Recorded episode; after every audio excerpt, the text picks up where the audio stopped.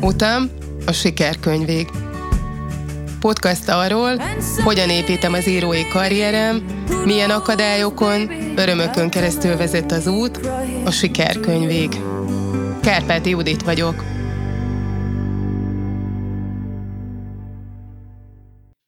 Üdvözlet a hallgatónak! Ez a 31. epizódja az Utam a című sorozatomnak. Ebben a részben a hamburgi utamról fogok mesélni, arról, hogy miért indultam el eredetileg, menet közben miért változott meg, illetve mi lett a célom, mi az, amit Hamburgban találtam, és mik a következő lépések. Ezt fogom ma összefoglalni, és külön üdvözlöm ennek a szükköri klubnak a tagjait. Most egyelőre még viszonylag kevesen vagyunk itt, de kifejezetten örülök ennek most, mert így exkluzíve ennek a szűk körnek oszthatom meg valós időben azokat az információkat, amiket egyébként nem verek feltétlenül nagy dobra. Így így egy kicsit én exkluzív jellege lesz a mai adásban közölt információknak, és egyúttal üdvözlöm a jövőbeni hallgatókat, akik majd már úgy hallgatják ezt később, akár évek múlva, hogy a történet további részei már egészen máshol tartanak. Vissza tehát a hamburgi úthoz, amikor elkezdtem szervezni ezt az utat, amikor azt gondoltam, hogy hogy utána járok a dolgoknak, akkor egész egyszerűen arra gondoltam, hogy elmegyek, és, és megnézem azokat a helyszíneket, ahol a nagyapám az utolsó hónapjaiban élt, és ami, ahol töltötte az élete utolsó időszakát. Rövid kis képbe helyezése azoknak a hallgatóknak, akik esetleg nem tudják, hogy a holokausztban megölt, holokauszt során megölt nagyapámnak indultam a nyomába, aki 1944. novemberében hazatért a munkaszolgálatból, hogy megnézze, amíg soha nem látott csecsemő fiát, majd másnap a házmester feljelentése nyomán elvitték a családot, és a nagyapám az sose tért vissza. Egyetlen egyszer találkozhatott egy nagyon rövid időre a fiával. Én 50 évesen eredtem ennek a nyomába, bizonyos információk birtokában, amiket az én apám derített ki, egészen a haláláig kutatta ezt, és az életének a vége felé találta meg a nyomokat. Voltak információim, amiknek nyomán el tudtam indulni, és találtam új nyomokat, új információkat is, és itt kapcsolódom akkor ahhoz, hogy hogy indultam el. Tehát vettem egy repülőjegyet, és aztán utána folytattam a, a szervezést, két hónappal az út előtt nagyjából, és egész egyszerűen a történet és ez az út elkezdte saját magát alakítani, és már nem egész egyszerűen egy utazássá vált, amiben elmegyek, és, és hát az is teljesen elégséges lett volna, azt hiszem bizonyos szempontból, hogy megnézem, utána nézek annak, hogy hol volt ez, hol esett meg ez a történet, hol ért véget egy ember élete, hanem újabb és újabb nyomok kerültek a kezembe, nem pusztán um, um, hogy is mondjam, csak a tanúja lettem a történteknek, hanem egy aktív részese. Kicsit olyanná vált az egész, mint hogyha azok az emberek, akik valaha éltek, és itt több mindenkiről is beszélek, mert rengeteg szereplő van, nem csak a nagyapám, hanem a családomnak más tagjai is, egyszer csak felsóhajtottak volna boldogan, hogy, hogy elmondhatják azt, amit szeretnének, és hogy van valaki, aki meghallgatja őket, és most már nem kell hallgatniuk, vagy, vagy, vagy elmondhatják mindazt, ami, ami tény, ami tudható így, így történt ez, hogy mire, mire útra keltem, addigra rengeteg levelezés állt a mögött, mindenféle információ. Felvettem a kapcsolatot azzal a koncentrációs táborral, ahova ő megérkezett 1944. novemberében. Ez a Nayengelmei koncentrációs tábor volt, ami egyébként egy úgynevezett szatellittábor, ami azt jelenti, hogy nagyon sok altábora volt a környéken. Ilyen volt a Brémában található altábor is, egy ö, olyan tábor, ahol a ott raboskodó zsidók és fogvatartottak egy tenger alatt járó alkatrészeit voltak kénytelenek gyártani, egy német tenger alatt járóét. Oda vitték őket, elhajtották el őket minden egyes nap ebbe a bunkerbe, ahol, ahol ez az építkezés, ez a gyártás zajlott. Egy következő állomás volt, tehát Bréma, ahol, ahol szintén raboskodott, és ahol egy botlókő tanúskodik az ő életéről, amit még az édesapám életében intézettel szervezett. A botlókörről fogok írni az Instagramon. Sokan tudják, hogy mi a botlókő, de azt tapasztaltam az elmúlt hónapokban, meg korábban is, hogy sokan nem. Olyanok is, akik egyébként minden más téren elég tájékozottak, vagy akár történelemben is, de ezt erről fogok egy kicsit írni, mert érdemes szerintem. Minden esetre ott tanúskodik ez a részkocka arról, hogy valaha élt egy Sekter László nevű ember. Ide is el szerettem volna menni, és a kutatásaim nyomán bukkantam az Aroezen archívumra, ami Bádároezenben van, közel négy órányira Hamburgtól vonattal, és itt olyan dokumentumok voltak, vártak 80 éve, amik amik hát sorsdöntőek nekem, illetve nagyon sokat jelentenek a további kutatás szempontjából. Ezek teljesen új nyomok voltak a korábbiakhoz képest, és nem számított az, hogy 8 órát fogok utazni vonattal.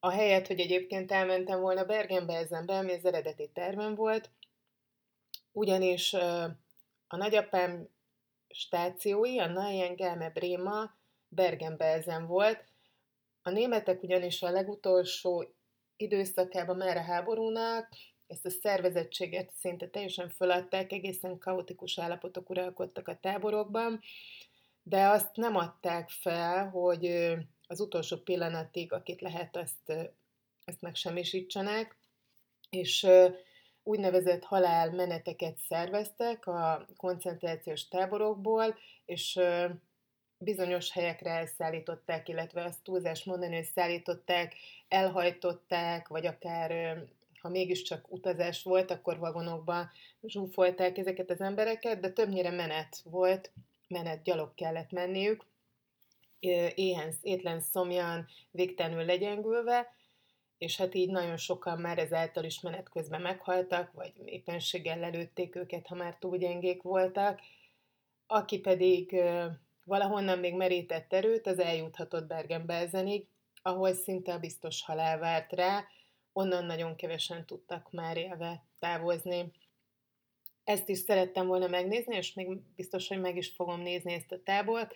Itt azonban egyelőre megállt a, a fonala a történetnek, mert jelen pillanatban úgy tudjuk, hogy valahol menet közben vagy a táborban, Bergen-Belsenben halt meg, Egyébként Bergen-Belsen az a koncentrációs tábor, ahonnan az angolok először tudósítottak arról, hogy mi történt ott, és rettenetes képsorok láthatók, egyébként a YouTube-on is megtalálhatók, én is végignéztem, arról, hogy mi várta ott őket, és, és a németek kénytelenek voltak maguk eltemetni természetesen tömegsírokban, mert nem volt más mód ott akkor. Ezeket az embereket nagyon megrázó képsorok, úgyhogy csak annak ajánlom, aki fel van vértezve elő, erős idegzettel. No, tehát ez volt a változás menet közben, hogy már nem csupán arról volt szó, hogy, hogy megnézem, hanem, hanem menet közben átváltozott egy küldetésé, aminek kezdett kibontakozni a fejemben, hogy ez az értelme, hogy íróként kezdjek ezzel valamit, és nagyon friss az egész, de egészen egyértelműen látszik, hogy nekem ez a dolgom, én azért vagyok ennek a szemtanúja, azért vagyok ennek a része, mert hogy én leszek ennek a krónikása, akkor is, ha fikció formájában írom meg ezt a hihetetlenül izgalmas, szomorú és szerteágazó történetet. Amit találtam ott, ezt egyelőre nem tudom, hogy hogyan osszam meg, vagy hogy egyáltalán megosszam-e, bizonyos dolgokat elmondok, és hát mivel az elején tartok, ezért valószínűsítem, hogy még olyan sok mindent fogok találni, hogy amin most gondolom, hogy nem jó, hogyha olyan energiát kap, ami, vagy ne, elveszíti az energiáját ezáltal, hogy mindenkivel megosztom, hogy ez nem feltétlenül el, mert most jelen pillanatban a, a, az életnek ezen pontján tűnnek ezek felnagyítva nagyon egyedinek, de azt gondolom, hogy ez a történet még írja tovább magát, és még nagyon sok ilyen felfedezés nem lesz, amik egyes picit darabjai ennek a történetnek.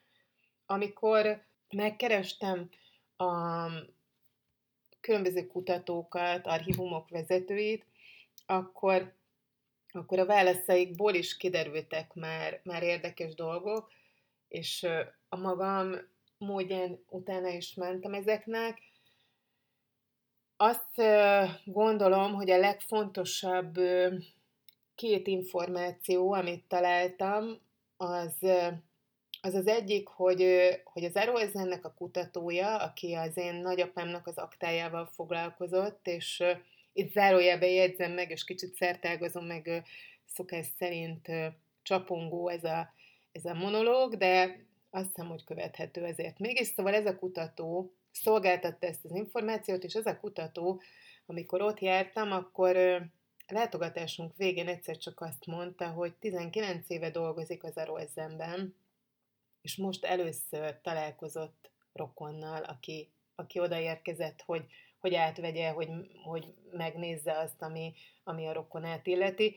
Hozzátéve, hogy az Arolzennek ez a küldetése, ott 3 millió különböző tárgy került elhelyezésre, azoknak az embereknek a tárgyai, akiktől elvették a dolgaikat, amikor megérkeztek a koncentrációs táborokba, és soha nem adták vissza. Legyen az egy óra, egy toll, egy ruhadarab, egy fénykép, levelek, gyűrűk, ezeket mind elvették, és a németek precízen beborítékolták, számokkal látták el visszakövethetően, hogy kinek a tulajdona.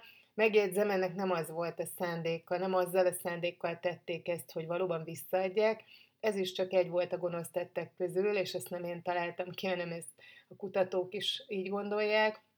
Azért csinálták, hogy, hogy azt hitessék el ezekkel az emberekkel, hogy ők valaha ezt visszakapják, és abban a hitben legyenek ott, míg ott tartózkodnak, és kényszermunkán vannak a halálukig akár, a dolgozni képesek, hogy, hogy ők még valaha visszakaphatják a javaikat.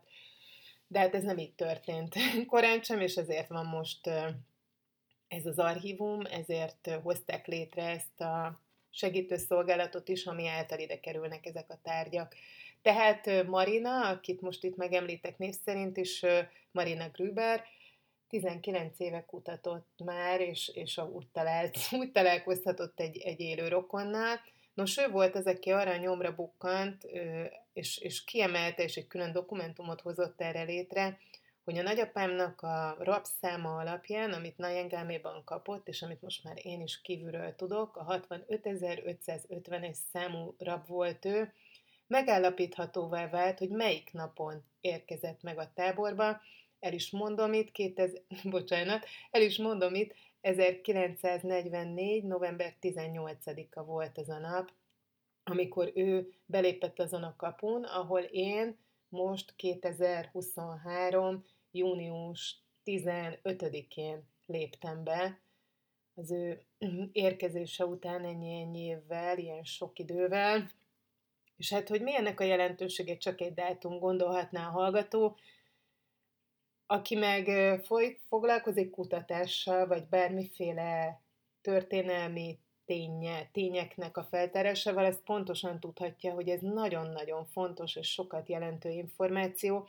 Ha csak pusztán és nem a kutatás szempontjából nézzük, abból a szempontból, hogy egy bizonyosság, egy pontja az életének a nagyapám életének egy olyan pontja, amiről tudni lehet, és, és be lehet helyezni térbe és időbe, hogy ekkor itt tartózkodott pontosan.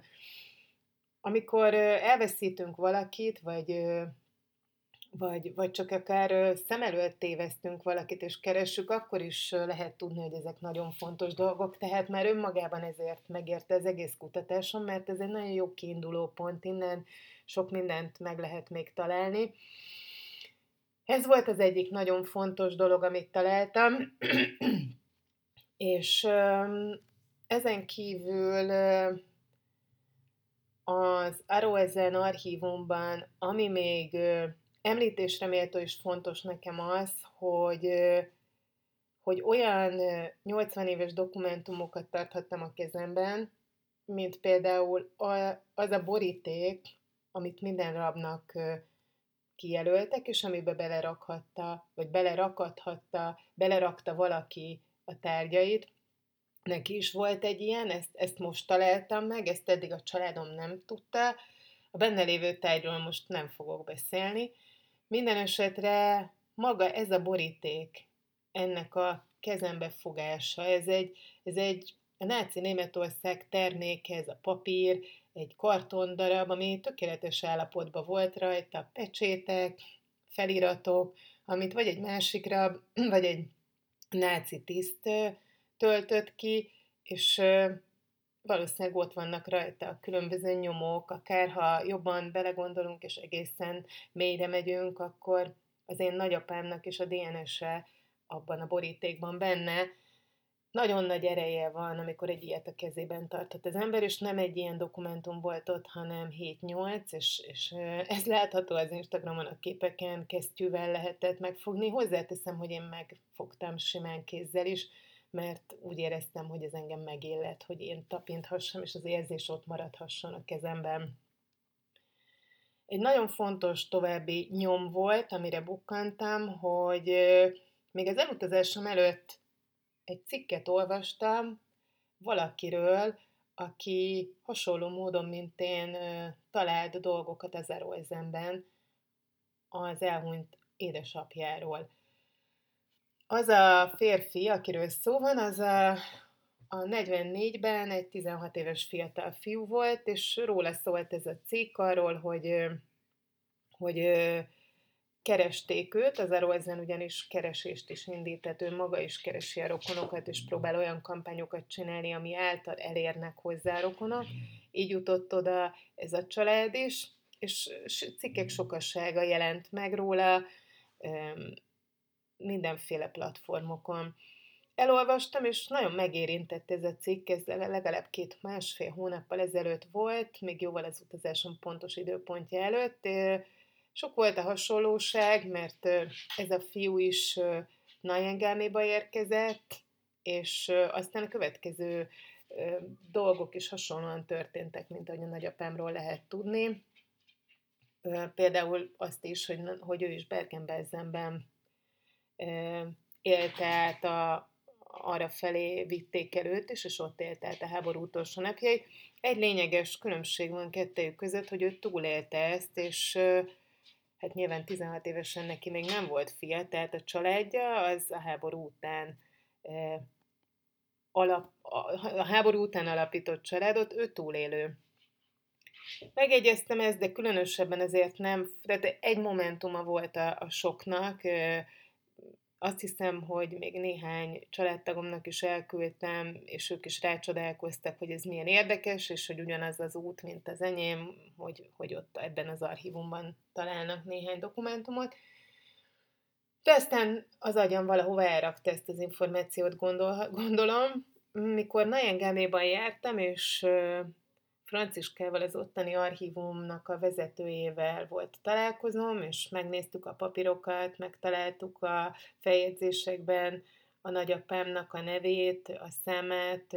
Ezek nem voltak újak számunkra, mert ezt tudta az édesapám, de valószínűleg több dokumentumban is meg volt említve, olyanokban is, amit eddig nem láttunk. Kiraktuk az asztalra ezeket, megmutatta, és utána beszélgettünk különböző dolgokról, egészen hosszan, majdnem másfél órát töltöttem az irodájában, és hát utána indultam, hogy körülnézek, megnézem a koncentrációs tábort magát. Mikor már búcsúztam tőle nagyjából el, akkor, akkor volt egy egészen ösztönös gondolatom, semmilyen direkt gondolat, csak annyi, hogy még egyszer el akarok nézni arra a listára, a nevekre, ami abban a könyvben található. És uh, nyilván az agynak és az ösztönöknek a csodálatos összjátéka ez, Egyszer csak realizálta az agyam, hogy a nagyapám neve fölött annak a férfinek, annak az egykori fiatal fiúnak a neve van, akiről olvastam. És akkor, mikor elmondtam ezt Franciskának is, megállt a levegő, megállt egy pillanatra a levegőben, hogy is mondják ezt, szóval megdermett a levegő, és csak néztünk egymásra, és azt is hűdötten vettük tudomásul, néztük, hogy nagyon közel állnak a számok. A nagyapám 65.550-es számához nagyon közel áll a, a, ennek a, a fiatal fiúnak a száma, amit aztán az Arolzenben is igazoltak, hogy ez azt jelentheti, hogy hogy vagy a sorban, vagy, vagy az regisztrációkor ők, ők közel voltak egymáshoz. Kvázi ez egy nagyon fontos nyom, amin el lehet indulni, mert az is lehet, hogy ismerték egymást. Egyébként abban a menetben, abban a deportban nem volt olyan nagyon sok magyar, aki, aki Najengelmébe érkezett, ennek folyik most a következő néhány lépése ennek a nyomnak, tehát még vannak számos, van még számos olyan, olyan általam talált különböző dolog, ami, aminek utána indulok, de most ezt a kettőt azt gondoltam, hogy megosztam, mert hát ezek is filmszerűek és elképesztően érdekesek, és tovább vezetnek, ha csak egy történetszálát nézzük, akkor is nagyon érdekes, ha meg azt, hogy, hogy ezáltal hozzájuthatok, közelebb juthatok az, ahhoz, hogy rekonstruáljam, hogy mi történt a nagyapámmal, akkor azért is nagyon érdekes. De ha azt akarom elmondani, hogy mit találtam ott, Németországban az utam során, akkor azt is nagyon fontosnak tartom kiemelni, és talán lehet, hogy ezt tartom a legfontosabbnak kiemelni, hogy kiválónak és különlegesnek gondolom azt, illetve lehet, hogy a különleges nem is jó szó, mm, kivételesnek gondolom azt, ahogyan a németek kezelik ezt az egész helyzetet, és ahogyan hozzám viszonyultak. Talán ez is egy külön vonal, hogy az, amit eddig is éreztem, és gondoltam, és már évekkel ezelőtte eltökéltem, hogy a könyveimet német nyelvterületen szeretném majd kiadni a magyar mellett, és sokszor eszembe jutott egy-egy villanás erejéig, hogy talán ott fogom először kiadni a könyveimet, és műfordításban, nem pedig eredetiben fognak megjelenni az írásaim, a könyveim. És ez az út, ez most megerősített abban, és nem azért, mert én gondolom így, hanem olyan visszajelzéseket kaptam, és olyan elképesztő beszélgetésekben, találkozásokban volt részem, ami megerősített, hogy ott nyitott arra az a társadalom, ott kíváncsi az a társadalom arra, amit én tudok, és amit én tudok nyújtani, és az én történetemre. Ez is paralel zajlik, és igyekszem feldolgozni, mert mert nagyon-nagyon jó érzés azzal szembesülni, hogy amit én gondolok, ahogyan én gondolok magamra, amiért én ennyit dolgozom, annak van létjogosultsága, és nem egy szélmalomharc, amit csinálok, hanem, hanem mások látják, hogy én mit tudok, és hogy mi az, mi az, amit ér az, amit én csinálok. Szemben azzal, hogy itt hogyan áll a társadalom ehhez a kérdéshez, és hogyha most az én személyemet kivonjuk, akkor ezt csak ezt külön tárgyalva is lehet látni, hogy szembenézés helyett szőnyeg alá söprést látok, mintha mi sem történt volna, a felelősségnek a, a vállalása helyett a felelősségnek az eltolását és le, le seprését látom, és, és nagyon gyakran akár közönt is, de, de nagyon üdítő, és, és azt gondolom, hogy ezzel a részével kell foglalkoznom, ami, ami az ellenkezője, és ahol, ahol azt látom, hogy, hogy a gyógyulás van, nem pedig azt, ahol, ahol csak a romlás, meg a, meg a közöny. Mik a következő lépések az utamban? A kutatást beépítem az életembe, eddig is nagyon rendszerezett életet éltem, és most, most egy egészen más szisztémát kell kidolgoznom, amiben az írás mellett helyet kap a kutatás is. Egyébként az írásnak a része a kutatás, hiszen ha egy regényt ír valaki, akkor nagyon fontos a kutatás, hogy a tények azok valóban tökéletesen a helyükön legyenek, és a fikció arra épülhessen.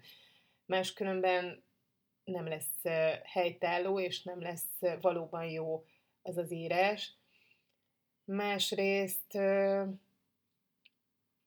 a saját készségeimet is más módokon kell fejlesztenem. Nem véletlen, hogy olyan sokat olvasok, és például a Lehetetlen Művészetet című könyv az most éppen a Bibliám miatt, mert egy ilyen feladatra készít föl, és nagyon jól segít abban, hogy hogyan és miként struktúráljam ezt a küldetést, vagy ezt a nagy álmot hogyan vigyem véghez, ami egy nagy feladat, de imádom, hogy ilyen nagy feladat. Tehát kitölti az életemet ennek az egésznek a, a, a véghezvitele, az a szenvedély, amivel ezt tudom csinálni, és, és ehhez nagyon sok tényező kell, többek között például nem hanyagolható el a pihenésnek a szerepe, nagyon nehéz ilyen szenvedéllyel, ilyen elhivatottsággal pihenni, viszont nagyon könnyű kiégni, és ha ennek tudatában van valaki, akkor, akkor annál jobban tudja, hogy a pihenés az nem elvesztegetett idő, hanem extra energia és elengedhetetlen rész.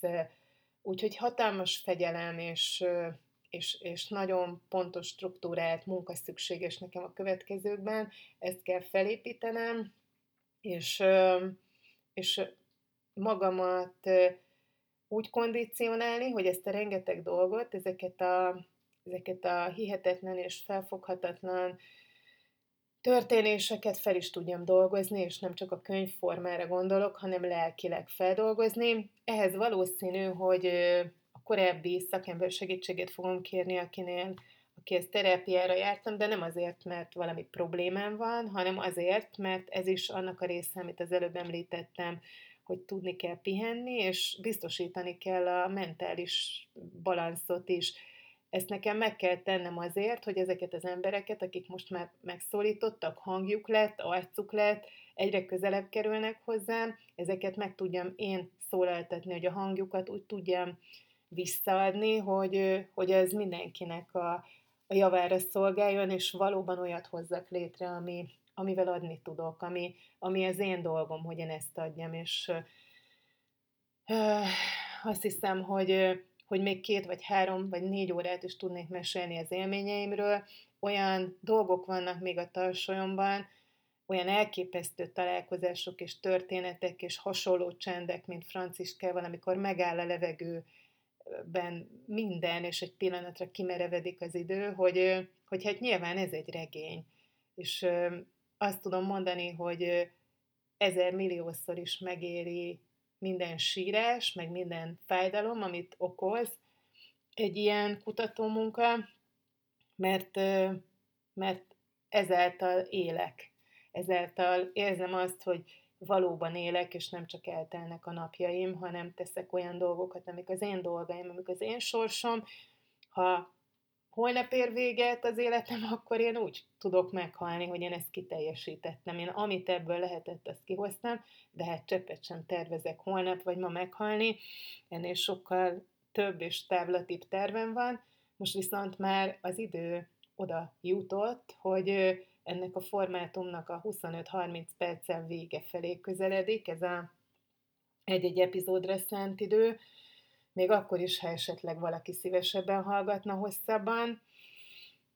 Most jött el az ideje annak, hogy felolvassam a heti írásomat, ami jóval régebben nem ezen a héten íródott, hanem mondjuk egy négy-öt hónapja, de azért választottam most ezt a verset, mert pontosan tudom, hogy a nagyanyám és a nagyapám szerelme az egy valódi nagy szerelem volt, ezt a nagymamám elmondásából tudom, és nagyon rövid időre élhették ők ezt meg, mindössze egy-két évet ö, tudtak együtt tölteni, a házasságuk után szinte annak a dátuma után szinte rögtön elvitték munkaszolgálatra a nagyapámat, és hát aztán ismerjük most már, ismerik a hallgatók is vázlatosan ezt a történetet, úgyhogy most ezt, ezt a Szerelmi Történet című verset választotta.